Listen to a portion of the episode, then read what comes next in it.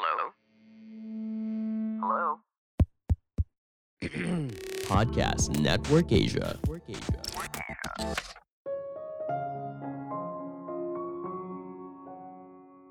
Kamu bertanggung jawab atas semua hal yang terjadi dalam hidupmu. Halo semuanya, nama saya Michael. Selamat datang di podcast saya, Sikutu Buku. Kali ini saya akan bahas buku The Success Principle karya Jack Canfield. Sebagai informasi, podcast Sikutu Buku sekarang bergabung dengan Podcast Network Asia dan Podmetrics loh. Sebelum kita mulai, buat kalian yang mau support podcast ini agar terus berkarya, caranya gampang banget. Kalian cukup klik follow Dukungan kalian membantu banget supaya kita bisa rutin posting dan bersama-sama belajar di podcast ini. Buku ini membahas prinsip untuk menjadi orang sukses. Bagaimana cara kamu menuju masa depan yang kamu inginkan dari posisi kamu yang sekarang.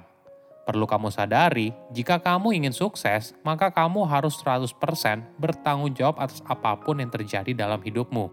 Apa pun yang kamu pikirkan, ucapkan, dan lakukan akan menentukan hidupmu seperti apa di masa depan. Dalam perjalanan hidup, mungkin saja kamu mengalami kebangkrutan, dipecat dari tempat kerja, dan sebagainya. Namun, kamu tidak akan kehilangan apa yang telah kamu pelajari dan siapa dirimu dalam proses menuju tujuan hidupmu sendiri. Saya merangkumnya menjadi tiga hal penting dari buku ini. Pertama, bertanggung jawab atas hidup. Apa prinsip dasar dari kesuksesan? Salah satunya dimulai dari tanggung jawab. Kamu bertanggung jawab atas apa yang terjadi dalam hidupmu. Ketika ada kejadian buruk atau ketika gagal, kita sering kali mencari alasan dan menyalahkan orang lain atas kejadian yang kita alami.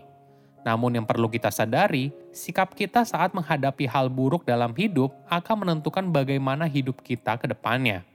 Coba bayangkan kamu mendapat uang 5 juta rupiah uang ini bisa kamu gunakan untuk foya-foya atau investasi. Jika kamu memilih yang pertama, maka kamu akan kehilangan semuanya. Namun, apabila kamu memilih yang kedua, maka kamu mungkin bisa membangun lebih banyak uang lagi di masa depan dan tentunya pilihan yang lebih bijaksana. Apabila kamu ingin melihat adanya perubahan dalam hidup, maka kamu harus mengubah respon kamu terhadap hidup. Kita bisa saja mengambil jalan singkat untuk mengeluh, namun, jika kamu lebih perhatian soal bagaimana kamu menjalani hidup dan pilihan yang kamu ambil, maka kamu akan melihat apakah pilihan tersebut mendekatkan kamu pada tujuan atau tidak. Menurut kamu, sukses itu seperti apa? Mungkin kamu punya beragam jawaban, misalnya punya rumah besar, mobil mewah, tabungan berlimpah, dan sebagainya. Namun, coba kamu berhenti sejenak dan mulai berpikir, kenapa kamu dilahirkan? apa tujuan besar dari hidupmu di dunia? Tentu saja ini kelihatannya sulit, namun hal ini akan membuat kamu merasa hidup yang kamu jalani lebih bermakna. Orang hebat di dunia tahu apa tujuan hidup mereka sehingga mereka bisa bekerja keras untuk mencapainya. Contohnya begini, Presiden Amerika Serikat John F. Kennedy punya tujuan untuk menempatkan manusia di bulan dan aktivis Martin Luther King punya tujuan agar Amerika bisa menganut kesetaraan bagi semua orang tanpa melihat warna kulit dan latar belakang. Figur penting tersebut berhasil mewujudkan sebuah ide yang kelihatannya mustahil menjadi kenyataan. Kita pun juga bisa melakukan hal tersebut. Ingat, tujuan hidupmu seharusnya lebih besar dari dirimu sendiri. Bukan hanya menguntungkan dirimu sendiri, namun juga harus punya dampak positif bagi hidup orang lain. Alasan kenapa banyak orang tidak puas dalam hidup karena mereka sendiri juga tidak tahu apa tujuan hidup mereka. Hasilnya, mereka jadi tidak bisa mencapainya. Itulah mengapa latihan ini sangat penting untuk mewujudkan hidup yang kamu inginkan.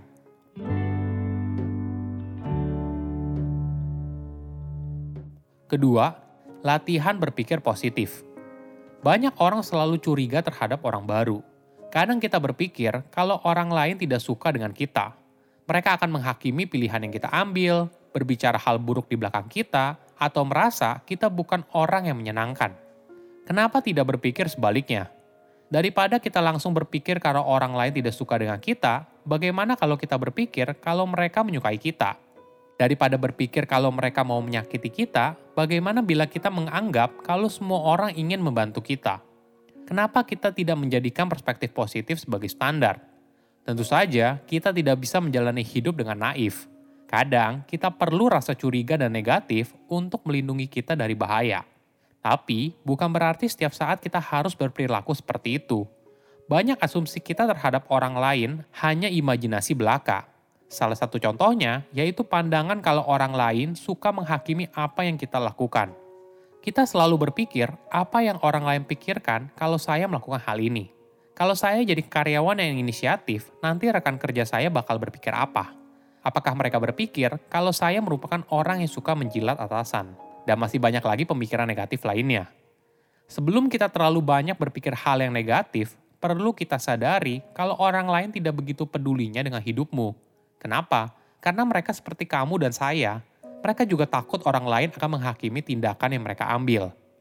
Mereka sibuk memikirkan bagaimana pandangan orang lain terhadap diri mereka. Nah, ada contoh yang menarik dalam sebuah foto yang berisi banyak orang, wajah siapa yang kamu lihat terlebih dahulu? Ya, tentu saja, mayoritas orang akan melihat wajah mereka dulu, baru melihat wajah yang lain. Ketika wajah mereka terlihat oke di foto tersebut, maka mereka akan merasa kalau foto itu bagus. Poinnya adalah, mayoritas orang sibuk dengan pikirannya sendiri dan tidak terlalu peduli dengan hidupmu.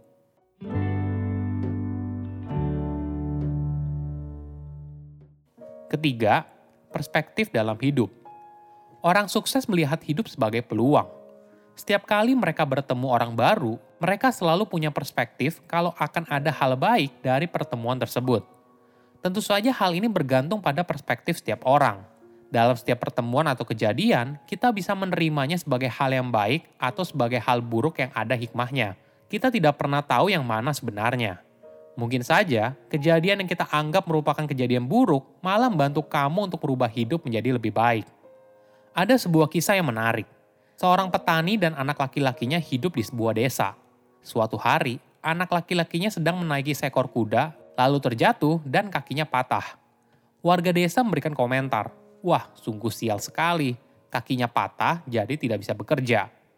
Namun beberapa minggu kemudian, seorang tentara datang ke desa tersebut dan mewajibkan semua laki-laki yang sehat untuk pergi berperang.